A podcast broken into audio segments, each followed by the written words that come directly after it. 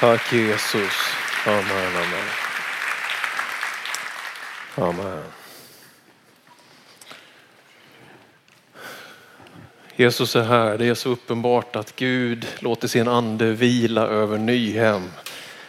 Precis som Tatta sa här i inledningen av mötet så är vi så oerhört tacksamma för det som händer och sker här. Det är något välsignat och vi ber bara om mer. Låt elden brinna, låt vindarna blåsa. Låt den helige andes vatten, vind och eld känneteckna den här rörelsen. Låt det få vara ett av verklighet ett pingstfolk som är vi som älskar det han gör. Denna värme och denna Jesus passion som detta väcker och det utrymme det skapar för människor att växa i jag älskar det. Visst är vi tacksamma till Gud för Nyhemskonferensen, det tror jag vi alla är. Det har betytt så mycket för oss själva och för våra barn och de som kommer efter oss. Och vi ska fortsätta så att om 10 år, om 20 år, om 30 år, till dess att Jesus kommer, så ska det finnas en stark gudstjänstfirande gemenskap i det här landet. Jag har njutit på många sätt av att få vara på Nyhem den här veckan. Det har varit, eh, nej men man är ju tacksam att få så mycket ja men uppmuntran. Jag har dock lett lite för mig själv. Jag har aldrig någonsin i mitt liv blivit kallad apa med sådan värme och så ofta som här på Nyhem. Och jag tycker att det, det har varit en fantastiskt eh, stimulerande erfarenhet. Det är så många besökare och deltagare här som har velat komma fram och säga någonting och tacka och uppmuntra med den kommentaren att ja, men du känner ju inte mig, men du vet alla känner ju apan. Så att jag tror jag räknat till tio sådana kommentarer. Så, och sen med en ljuv värme och Gud välsigne dig Daniel, satsa vidare. Alla känner apan. Ja, så fint. Pingströrelsen, den här värmen. Det som kännetecknar vår rörelse jag har sagt det många gånger men jag fortsätter med en dåres envishet. Det är inte åsikten, även om det är viktigt att ibland stå upp för det vi tror är rätt och riktigt i olika frågor. Men det primära för oss det är det liv i Gud som anden väcker i tron på Jesus Kristus. Vi är ett folk för att sprida liv och hopp och upprättelse och befrielse till så många människor som det bara är möjligt. Hörrni, temat för idag det är, det är överlåtelse.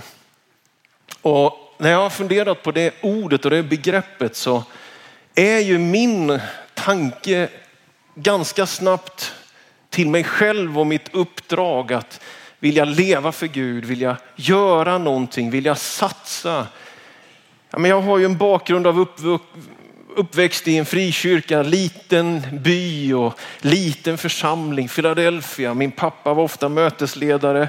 Han var äldste och de växlade och leda mötena och alla skulle vara med och sjunga. Så när han då ofta sa att nu sjunger sångarna så gick ju alla fram i Philadelphia. Det kunde ju vara möte där satt en kvar och lyssnade. Alla var ju vi, de unga äldre. Liksom. Det var liksom en, det var, det var man skulle vara med liksom. Jag växte upp i en miljö med väldigt mycket betoning på Guds trofasthet, sånger om himmelen. Det var en liten by och det var en liten församling och ändå fick jag smaka en stor värld påstår jag i detta.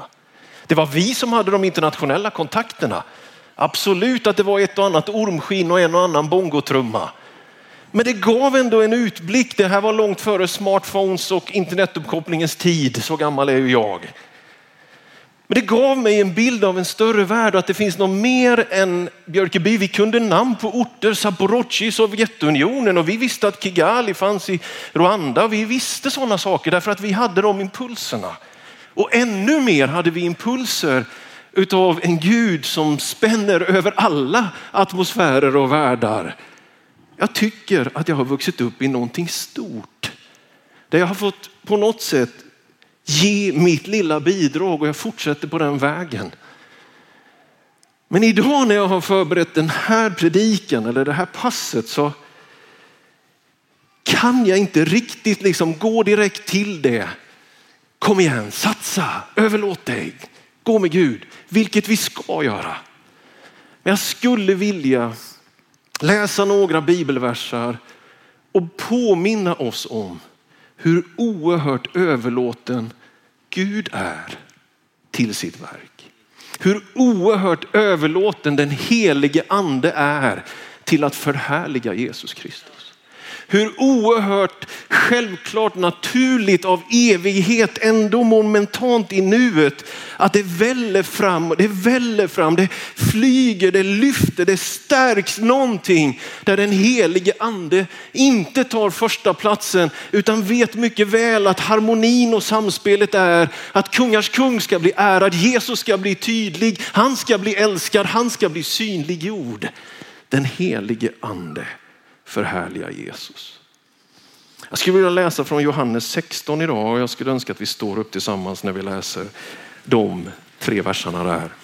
Verserna 13 till 15. Det är ju i Jesu avskedstal som är Johannes 14 till 17 och han talar fantastiskt där om att han är vägen, sanningen och livet. Ingen kommer till Fadern utan genom mig. Han talar om att förbli i honom att bära den frukten och han ber sin översteprästerliga förbön och han talar om den hjälpare som skulle komma. Och så här läser vi då i tro på Guds ord i Jesu namn. Men när han kommer, sanningens ande, då ska han leda er in i hela sanningen. Han ska inte tala av sig själv utan bara tala det han hör. Och han ska förkunna för er vad som kommer att ske. Han ska förhärliga mig, för han ska ta av det som är mitt och förkunna för er. Allt som Fadern har är mitt. Därför sa jag att han ska ta av det som är mitt och förkunna för er. Allsmäktig Gud, vi tillber dig idag med våra ord och vi vill med våra handlingar, med våra känslor och med vår erfarenhet vi är så otroligt tacksamma att du har skapat oss. Här. Nu och för alltid är du värd församlingens hyllning. Fader, son och heligande. Vi är ditt folk. Vi tillhör dig och vi vill tillbe dig. Och jag ber för det här rummet just nu, för varje person som är i Nyhemshallen eller följer våra möten via sändningarna. Kom heligande. Låt elden brinna. Låt vindarna blåsa. Låt vatten bryta fram. Låt det här få vara ett rum av liv till liv. Låt det få vara ett rum av hopp till hopp, Herre. Låt oss få interagera och smaka ännu mer av din godhet, Herre. Vi tackar dig. Vi tackar dig för Golgatas seger. Vi tackar dig för frälsningen ifrån vår synd. Vi tackar dig för den helige andes gåva på pingstdagen. Vi tackar dig för församlingens etablerande. Tackar dig för gåvor och frukt och kallade människor till helig tjänst. Vi tackar dig för att du vakar över skapelsen och du vakar över församlingen. Du vakar över varje människa. Inte en sparv faller till marken utan att du känner till det. Hårstråna är räknade. Du ser allt, du vet allt, du känner allt och du älskar igenom allt Herre. Vi prisar dig Herre. På midsommarafton 2019 ifrån Nyhemshallen så vill vi ära dig Herre. Vi är dina, vi är barn, du är vår far. Vi vi är lemmar i det som är din kropp Herre. Vi är grenar och du är stammen. Vi är dina får och du är vår herde. Riket är ditt, makten är din, härligheten är din. Församlingen tillhör dig, vi tillhör dig. Hela skapelsen lovar dig. All ära tillhör dig nu och för alltid. Änglar faller ner, hela himlen är öppen. Gud vi lovar dig, vi prisar dig Herre.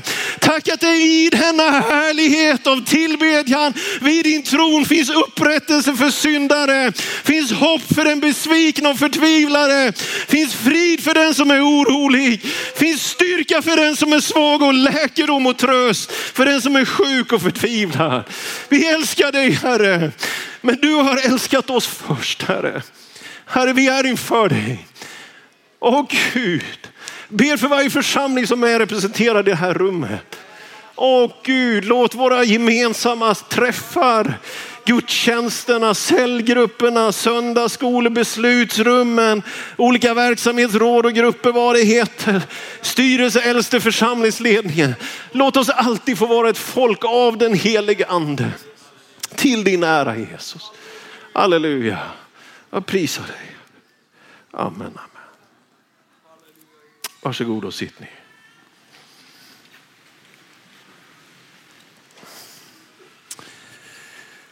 –2016 så mejslade vi fram en, en bild av framtiden för det gemensamma pingst.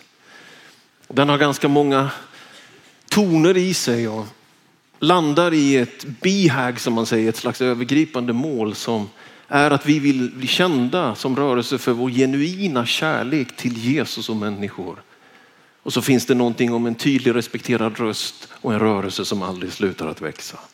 Men den där första strofen, att vi vill att den här rörelsen ska kännetecknas av kärlek till Jesus och till människor. Menar jag är någonting djupt pentekostalt som vi bär med oss sedan apostlagärningarnas dagar men också sedan pingstelden på något sätt återupptäcktes på Azusa Street eller i Chile eller i Sydafrika eller i Indien på orter i Sverige som Adelöv och Skövde och efterhand så väller någonting fram och där människor upplever den helige andes närhet så är resultatet att det är Jesus som blir sedd och trodd och älskad. Väldigt skönt att någon morgon här krypa ner och ta ett dopp i den här sjön. Vad heter den? Stråken heter den. Ja, och du vet när man simmar, när kroppen simmar så syns bara en kroppsdel och det är huvudet. Enkel anatomi eller biologi eller fysik eller kemi. Jag var dålig på alla de ämnena i skolan. Församlingen, kroppen. När den är i den heliga ande, i sitt rätta element, när den simmar så syns huvudet. Inte de vassa armbågarna. Det är väldigt svårt att sparka på någon smalben när man simmar. Det är jättesvårt att sparka på smalben då men huvudet syns. Och det är det mest djupa pentekostala kunskap, uppenbarelse, erfarenhet och konsekvens. Det är att dopet i den helige ande är en erfarenhet, det är eufori, det är berusning, det är tungotal, det är tecken, det är kraftfullhet. Det är någonting som översköljer mig, men effekten och konsekvensen, dess verkliga essens är kärlek till Jesus Kristus. Det är det det ger och till människan. Det är en kärlek som aldrig slutar att ge. Och därför så tänker jag att vi måste värna detta. Vi måste leva i detta. Och jag är så oerhört tacksam för jag tycker mig se här på Nyhem Besök jag gör i församlingar, signaler jag plockar upp också på din internationella arena. Vet du, hungern och törsten efter ett liv i den heliga ande är större än vad åtminstone jag har kunnat registrera under mina 25 år som pastor. Idag är den i växande älskade vänner. Folk längtar efter att få uppfyllas av någonting. Folk längtar efter att få tjäna Gud i denna ström som är det andliga livet. Och det sker ut över hela världen. Hela den stora världsvida kyrkan håller på att pingstifieras. Nej, de blir inte medlemmar i pingst FFS, tyvärr. Men de återupptäcker och genom de klassiska kyrkorna, frikyrkorna och i de klassiska pingstkyrkorna såklart, så kan man se att det som stiger, det som vinner terräng och det som samlar folkskarorna, det är faktiskt inte det som är avhyvlat, nedskalat och det som är bara en tyst reflekterande tanke och ett tänt ljus. Nu behöver inte det vara fel, även om jag ofta ger mig på tända ljus av någon konstig anledning.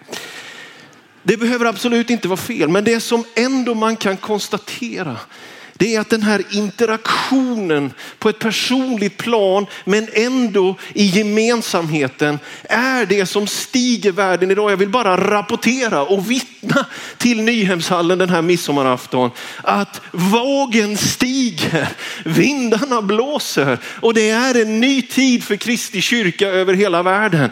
Pingstväckelsen växer exponentiellt i jämförelse med befolkningsutvecklingen. Församlingar bildas som aldrig förr. Kyrkorna kokar av liv liv och blir allt mer en samhällsomvandlande kraft i det att samhällen och städer upprättas när människor får erfara detta dop i den helige ande som leder till kärlek till människor. Det bästa med pingst är om det är Jesus som blir synlig. Det bästa med vår församling är om det är honom man har mött när man har varit på en gudstjänst i vår kyrka. Det bästa med vår bön, vår förbön, det bästa med min tjänst, med det andliga ledarskap, det är om man inte följer mig eller Mats Särnholm eller någon annan, även om jag tror att vi kan i någon mening vara föredömen. Men det bästa med vår tjänst, det är att stå vid er sida och inte försöka övertyga er om en massa saker, utan vi går tillsammans i Guds ord, i andens kraft och leder er och oss alla till Jesus Kristus. Det är någonting att vaka över, att värna. Det är genom den helige ande som det blir mer Jesus till folket. Det är vår klassiska förkunnelse. I den här texten så talar Jesus om sanningens ande. Bibeln berättar om Jesus att han var fylld av nåd och sanning. Jag är olycklig när vi ibland hamnar i en betoning som om vore nåden osann och sanningen nådeslös. Ibland så är det som att vi måste i de där olika dikena. Men Jesus talar om att han ska sända sanningens ande. Jesus är fylld av nåd och sanning. När den helige ande kommer över församlingen så är den fylld av en sanningsfull nåd och en nådefull sanning. Den är inte fylld av det som ställs emot. Den är inte fylld av en dömande attityd. Den är inte fylld av en färdig kyrka som kan och vet hur de borde sköta sig. Utan den är fylld av Jesus. Genom den helige andes närvaro. När han kommer, sanningens ande. Johannes är inne på det vidare i sina brev. Han talar om smörjelsen som anden ger i lärandet och i allt det som är förkunnelsen. Och så tycker jag det är så vackert och det var det som jag vill då liksom stryka under och påminna oss om. Kanske du är orolig för din egen själ och din egen situation, kanske för barn, för barnbarn, kanske för din framtid. Kanske du är jätteorolig för kyrkans framtid. Hur ska det gå för oss? Hur ska det gå för Sverige? Hur går det för missionen? Hur stark är sekulariseringen? Jag vill bara påminna oss idag om den helige ande är den mest lojala, uthålliga, kärleksfulla, milda men ändå kraftfulla närvaro av Gud som finns på den här jorden. Det är starkt, det håller, det bär. Vi litar på honom, vi förtröstar på honom. Det finns ingen jojo-mekanism i andeutgjutelsen på pingstdagen utan anden är given. Det finns inget ångerrätt eller öppet köp från Guds sida. Han ångrar inte sina gåvor, han ångrar inte sin kallelse. Det är inte vi som håller liv i Nyhem eller pingströrelsen eller våra församlingar. Det är den helige ande som håller liv i allt detta. Därför vilar vi tryggt. Därför så sover vi gott om nätterna. Därför är vi inte på det sättet oroliga, även om vi ibland oroas. Utan det finns någonting utav en strömning och ett liv i detta som den helige ande gör, som jag menar behöver få prägla oss allt mer i det som ligger framför. Vad tänker du när du läser de här verserna?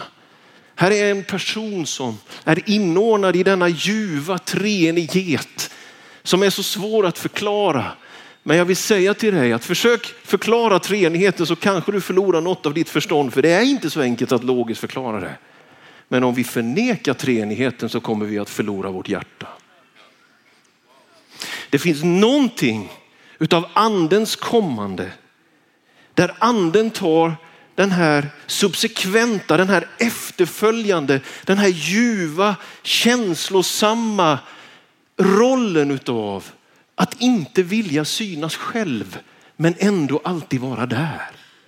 Att inte vilja vara den som blir fokuserad, utan att frukten sedan alltid blir kärlek till Jesus Kristus och Jesu kärlek i och genom oss.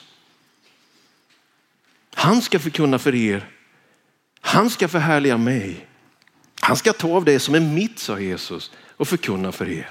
Allt som Fadern har är mitt och anden tar av mitt. Detta ljuva samspel i treenigheten, denna interaktion och denna slags himmelska kärleksrelation som pågår och vi bjuds in i den som Guds folk.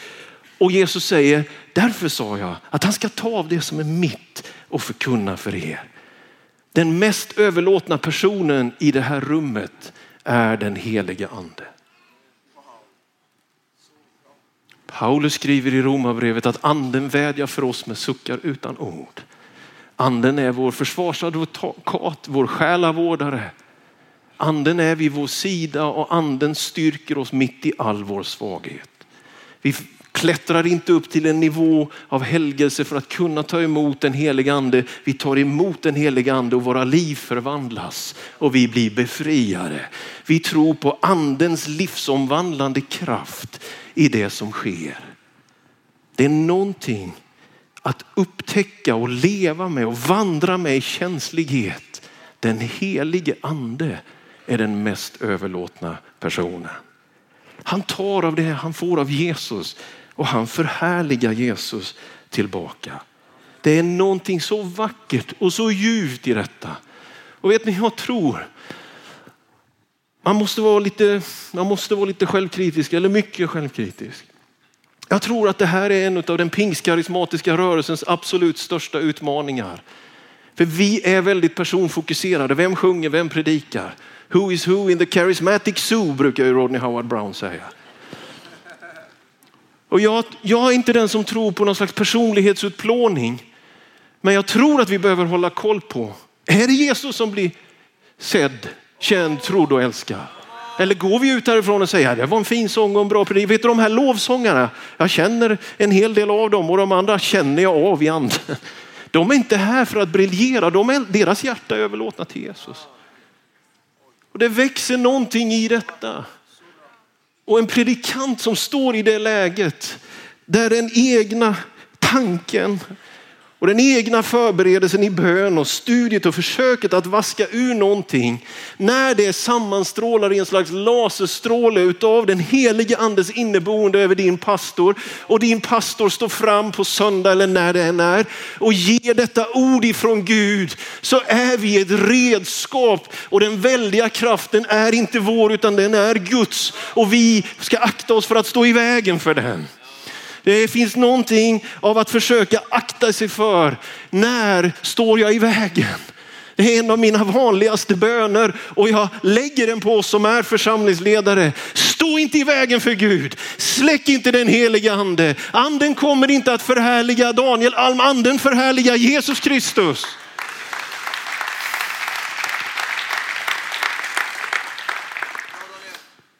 Det är han. Kanske man skulle tänka lite mer som Thomas Tranströmer när han skriver att vi skulle kunna vara lite mer av fotnotens folk. Låt Jesus vara rubriken. Och så är vi med och tjänar. För vi är inte fria om vi bygger vårt ego med kyrkan som språngbräda. Vi får så mycket prestige att försvara, så mycket egoism att på något sätt vaka över. Den som är fylld av helig ande är fri. Den som älskar Jesus och medmänniskan är den som är verkligt fri. Han ska förhärliga mig, sa Jesus om anden. När vi närmar oss den här boken med det här perspektivet, en pentekostal bibelsyn, så väcker det också någonting som jag tror är viktigt att ha med sig.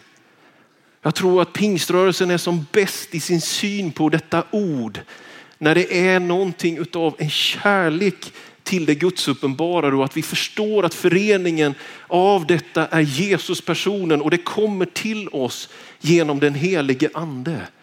Jag tror att den sanna frukten av andeuppfyllelsen i relation till bibelsynen är att vi älskar skriften mer än vår egen uppfattning om vad som står i den. Vi älskar det Guds uppenbarade, vi älskar interaktionen och erfarenheten. Men det är alltid något som ekar tomt när jag ska leta bibelversar för att klara en debatt eller leta uppfattningar för att något ska verka som att jag logiskt får ihop det. Det anstår inte riktiga pingstvänner att tänka så. Den pentekostala frågan till Bibeln är, vad säger anden i församlingen? Det är kärlek till det Guds uppenbarade ordet. Vi är långt ifrån några liberalteologer, men vi är heller inte fundamentalister. Riktig pingsyn passar inte in på den skalan enligt min uppfattning, utan vi tillämpar ordet och anden, frukt och konsekvens, kärlek till Jesus. Den primära teologen är den heliga ande. Det skapar någonting av ett annat förhållningssätt som skulle göra att våra debatter får ett annat tonläge. Eftersom sanning är objektiv så måste inte du vara tvärsäker på din egen uppfattning i alla lägen. Det pentekostala är dynamiskt, det är progressivt. Just nu har vi uppfattat detta, men anden kan ge mera ljus. Framåt i urkristendomen sa Tibi Berrat. Levi Petrus sa, vi skriver inga trosbekännelser. Ska man ägna resten av livet åt att försvara sina egna skrivningar? när vi predikar Guds ord. Vi återkommer till det, vi lever av det. Vi går inte på ordparen skrift och tradition, vi går på ordparet anden och ordet. Sen har vi en tradition, absolut, jag vet det. Men den pentekostala bibelsynen är försiktig och noggrann. Men det Paulus är inne på också i andra Korinthierbrevet 3. Om en bokstav som dödar, men där anden ger liv. När sanningen blir utan nåd så hamnar vi så fel. Oh, vad jag längtar efter en förnyad kärlek till det här ordet. I all enkelhet, men det är därför jag ofta vill att man ska stå upp när man läser Bibeln vid predikan. Jag vill bara att man med kroppen på något sätt visar att vi respekterar det här. Vi kalibrerar våra liv efter det. Vi letar inte stöd för våra åsikter här. Det här förvandlar oss. Det här är levande ord. Det här är mat för vår själ. Det här är inspirerat av den helige ande. Varje skrift i boken är inspirerad, inandad av Gud, skriver Paulus i andra Timoteus 3 och 16. Petrus skriver i andra Petrus 1 och 21 att ingen profetia har förmedlats av mänsklig vilja utan ledda eller drivna av den helige ande har människor talat ord ifrån Gud. Anden är inte i motsats till ordet, utan anden är med och leder dessa 40-50 skribenter. Och Bibeln kommer till genom dessa år av historia och är ett dynamiskt dokument som är ett fundament för våra liv. Men det är inte till för att vi ska använda det som slagträ i debatter. Det är till för att människor ska bli frälsta. Bibeln är boken om vår frälsning så sker det att vi behöver diskutera, vi behöver ta ställning. Jag vet att det är det. Men jag får ärligt säga att det gör mig ont varje gång för jag vet hur det här kostar. För den liberala är du aldrig nog liberal och för den konservativa är du aldrig nog konservativ. Och någonting, jag vill bara den här förmiddagen här på Nyhem säga att jag verkligen, verkligen uppfattar att anden är i harmoni med ordet. Och det vi behöver är primärt en pånyttfyllelse av den helige ande så att vi inte kommer snett i bibelsynsdebatter. Så att vi inte hamnar i en åsiktsgemenskap när vi är kallade att vara en trosgemenskap. Men så att vi inte heller hamnar i något luddigt där vi aldrig kan stå upp. Det är inte det jag är ute efter. Men jag är ute efter tilltron till att den Gud som lät sin ande sväva över vattnet vid skapelseögonblicket, som kom över profeterna när de talade ord ifrån Gud. Samma ande är över oss idag när vi läser Guds ord och tillämpar det i våra församlingar. Amen. Annars är risken att vi förlorar vår övertygelse och brinner för vår uppfattning. Jag kan bara inte tro att Sverige och nationerna kommer att bli frälsta genom en kyrka fylld av uppfattningar. Men en kyrka passionerad i sin övertygelse kommer att förändra den här världen. När Jesus rider in i Jerusalem på palmsöndagen så står det i en passus där om när, när, när den där berättelsen och Messiashyllningen och allt det sker så står det att hans lärjungar förstod först inte detta, står det i Johannes 12.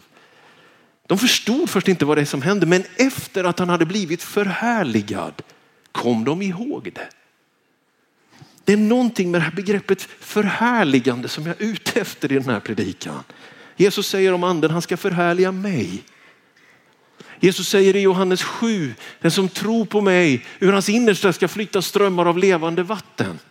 Detta sade han om anden som skriften säger. Jag kanske ska läsa det till för att få det rätt. Detta sade han om anden som de som trodde på honom skulle få. Ty ännu hade anden inte kommit eftersom Jesus ännu inte hade blivit förhärligad.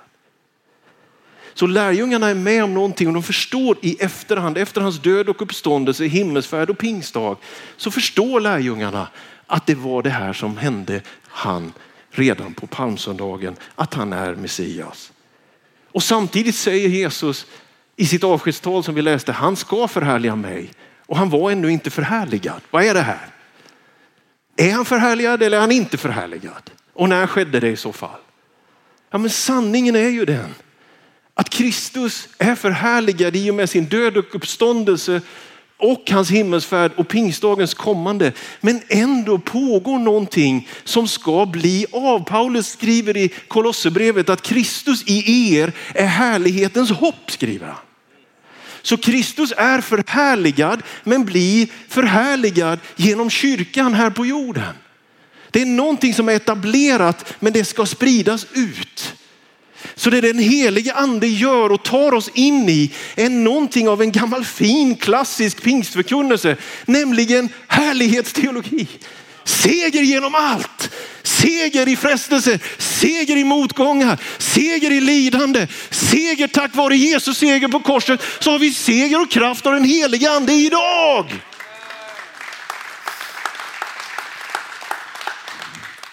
Inte till vår perfektion men till hans förhärligande. Inte för att vi ska briljera och eventuellt glänsa, men för att han ska bli ärad. Han som utstod förnedring är nu förhärligad. Han som bar allt blev gjord till synd och förbannelse för vår skull den som inte visste av synd, honom har Gud i vårt ställe gjort till synd för att vi i honom skulle stå rättfärdiga inför Gud, står det i andra Korinthierbrevet 5. Lovad vare Jesus Kristus. Detta saliga byte, detta underbara skifte som gör också att någonting av härlighet placeras över dig och över församlingen och som är på väg och en dag ska vi stå i full härlighet vid Guds tron. Härlighet kännetecknar Guds församling. Jesu härlighet. Han ska förhärliga mig, sa Jesus om anden. Ordet härlighet, kabod eller doxa, doxologierna, välsignelserna. Vet du, det är ett ord man också skulle kunna säga att det har någon slags innebörd av det är någonting som väger tungt.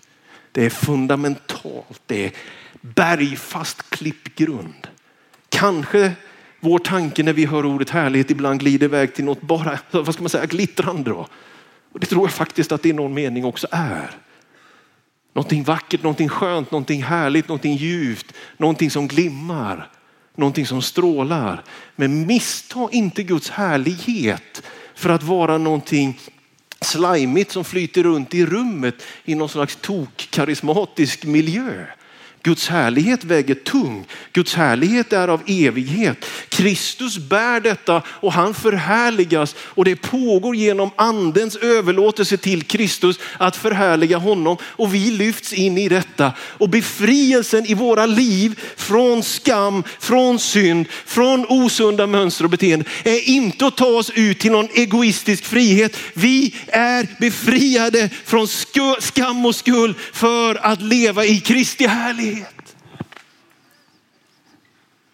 Varje människa, vad du än har bakom dig, vad du än har gjort, om du har gjort moralisk konkurs, om du har strulat till dig och ställt till konflikter kanske, tala illa om, inte vet jag vem. Vad än som är vår konkurs så har han bestämt dig och församlingen till härlighet. Kristi härlighet. Han tömmer oss på synd och fyller oss med Jesus. Detta genuina verk av den helige ande präglar också en pentekostal människosyn, precis som en bibelsyn. Lovad vare Herren. Den helige ande är överlåten till detta verk som pågår genom historien och som kommer att fullkomnas en dag i himmelen. Kristus var lydig till döden på ett kors och den helige ande är lydig till den dag vi står i härlighet inför Gud. Halleluja. Och mitt i detta finns församlingen. Och i allt det där lilla och enkla i Philadelphia. Jag minns ju när vi fick sätta oss i hörnsoffan, jag brukar ju berätta det ibland. Vi fick en alldeles egen rosa hörnsoffa vi ungdomar, vi var väl fyra stycken. Och jag minns en av de första gångerna vi radade upp oss där, det var bara vi som skulle få vara i rummet, i den där soffan. Och, och så sa vår pastor då att Daniel kanske du kan be högt. Så. Och jag hade väl aldrig gjort det tror jag i alla fall. Det var ett av mina första publika andliga framträdanden. Så jag lyckades väl att skruva ihop en bön där och så sa tack gode Gud för att det är fred på jorden. Så. Sen kom jag på att det kanske inte är fred på jorden. Så jag försökte att korrigera min egen andliga utsaga där och så slutade det med att pastor och alla tonåringar gapskrattade. Så slutade mitt första publika framträdande. Ja, men o vad jag älskar församlingen. I det här karismatiska, i det här Jesus förhärligande så har han av någon märklig anledning bestämt sig för att det är det här gänget som är redskapet för det. Och ibland kan man ju undra, tänkte du rätt nu Gud?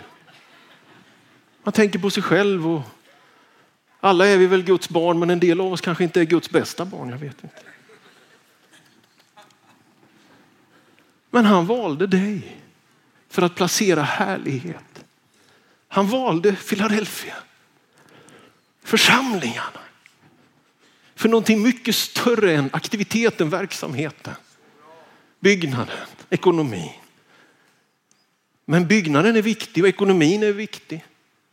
Svik inte din församling över sommaren. Se till att ge en rejäl semesterkollekt och avrunda uppåt så varken pastorn eller kassören behöver vara orolig hela juli månad. Min rekommendation. Det är viktigt med allt det där som pågår, det basala. Men vi bär en skatt. Kyrkan andas guld. Den är en plats för Guds härlighet. Det finns någonting att kanske gensvara på idag om nu anden är så här överlåten in i evigheten, vad är mitt och ditt gensvar på det? Något av det vackraste Gud har gett oss, det är vår törst och vår hunger och vår längtan. Sedan skapelsen så behöver vi äta. Det leder oss lätt fel om man kan äta av förbjuden frukt. Men man kan också ta in det som är riktigt. Jesus andas på sina lärjungar och säger ta emot helig ande. Det vackraste vi har är vår egen överlåtelse och allsmäktig Gud placerar en beslutskraft i dig, en fri vilja och du kan gensvara på det sättet idag här och säga fyll mig med helig ande. Jag vill vara en del av att Kristus blir förhärligad. Jag vill vara en del av att församlingen liksom glimmar av härlighet. Jag vill vara en del utav det som drar samman och bildar enhet. Jag är trött på splittring. Jag är trött på egoismen. Det kommer en dag, säger Jesus till kvinnan vid Sykars brunn, när man ska tillbe ande och sanning. Ibland så tänker jag att vi behöver växa in i det här. Vad är det där då? Ja, men kanske är det till exempel att låt oss söka Gud mer än hans välsignelse. Ibland är det som att vi söker glädje och blir bara mer ledsna. Vi söker trygghet och blir bara mer oroliga. Men om vi söker fridens Gud så kommer han att ge oss frid. Låt oss inte använda Gud för våra egoistiska behov. Låt oss förlora oss i allsmäktig Gud så att han fyller våra mänskliga behov. Sök Gud så kommer han att ta hand om dig. Det finns någonting av ett gensvar här. När vår tillbedjan blir på något sätt steriliserad och bara en slags aktivitet så förloras någonting. Det jag håller på med nu är faktiskt inte information. Även om det kan finnas inslag av någon slags kunskap i det möjligen. Det handlar mer om formation. Vi är en gemenskap, en kropp, någonting händer. Och min innerliga bön till Gud är att den här förmiddagen handlar också om transformation. Förvandling. Förvandling av sinnet, förnyelse av tanken. Ett annat förhållningssätt efter den här sommaren. Till dig själv, till kyrkan, till skapelsen. Den heliga ande är överlåten. Visst vill vi vara det också. Amen. Ska vi stå upp tillsammans? Jesus är här. Jesus är här mitt ibland oss.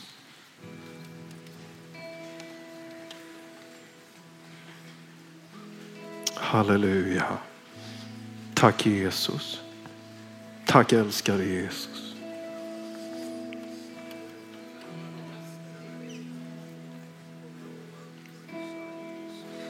Åh Gud, vi vill inte vara ett folk som bedrövar den heliga ande. Vi vill inte vara ett folk som släcker.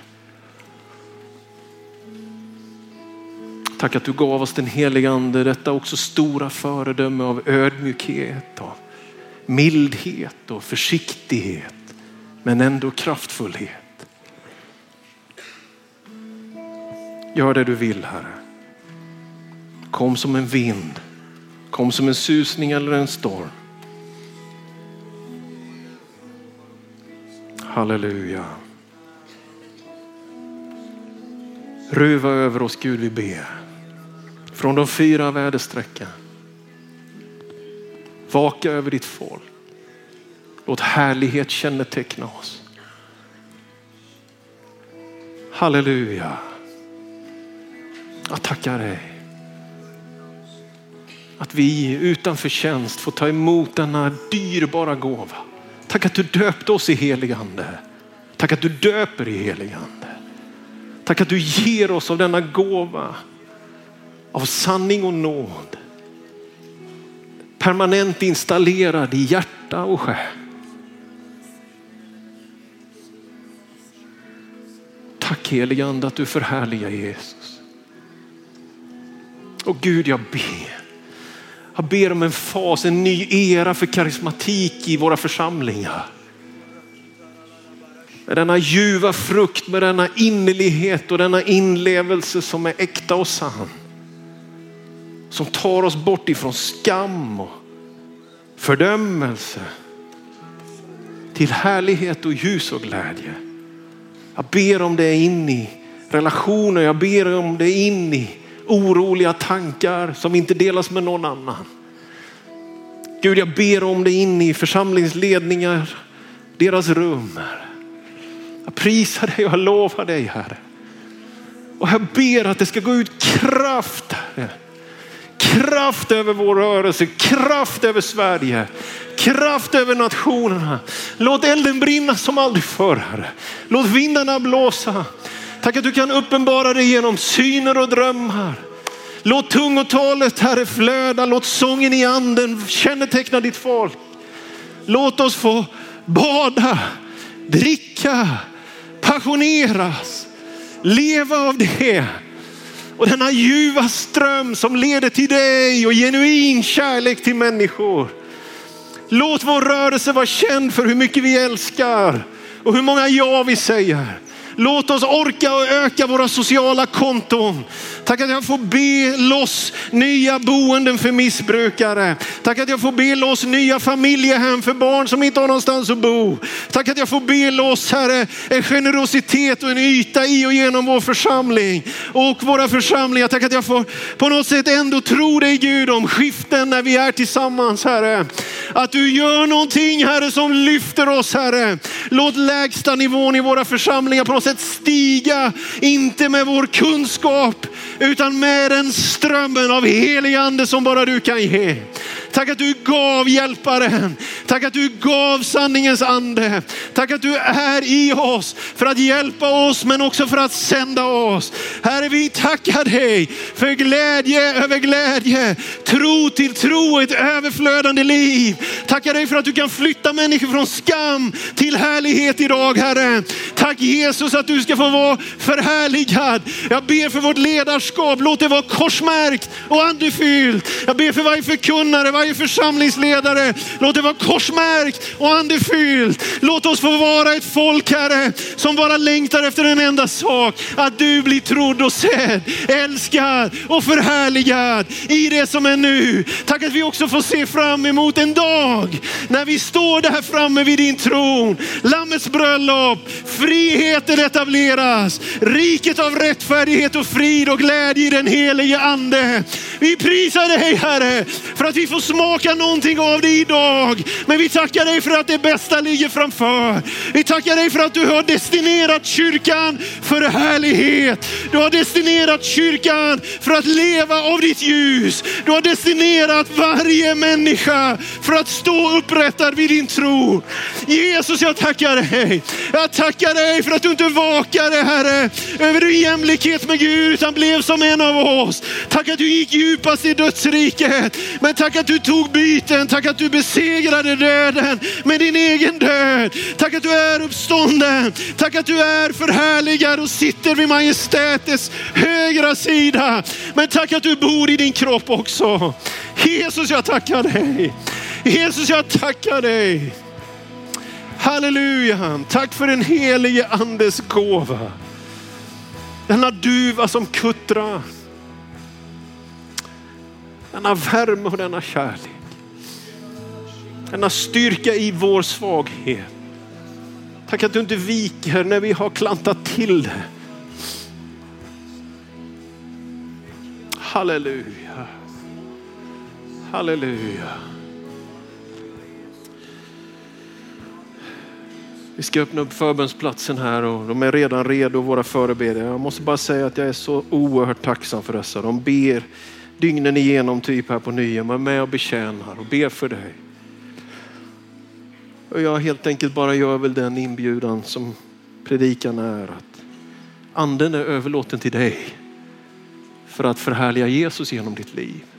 Är du överlåten till honom? Och det är inte kunna, veta, tycka, men det är att törsta, hungra och längta. Så kommer det att påverka både karaktär och kunskap. Men anden vill fylla dig. Du som är sjuk, sök förbön. Du som vill bli frälst, sök förbön. Du som vill bli döpt i den heliga ande och tala nya tungor, sök förbön. Du som är bekymrad inför sommaren och hösten, vägval i ditt liv, sök förbön. Låt oss ha en stund av lovsång och betjäning nu. Varmt, varmt välkomna till förbönsplatsen. Gud välsigne dig.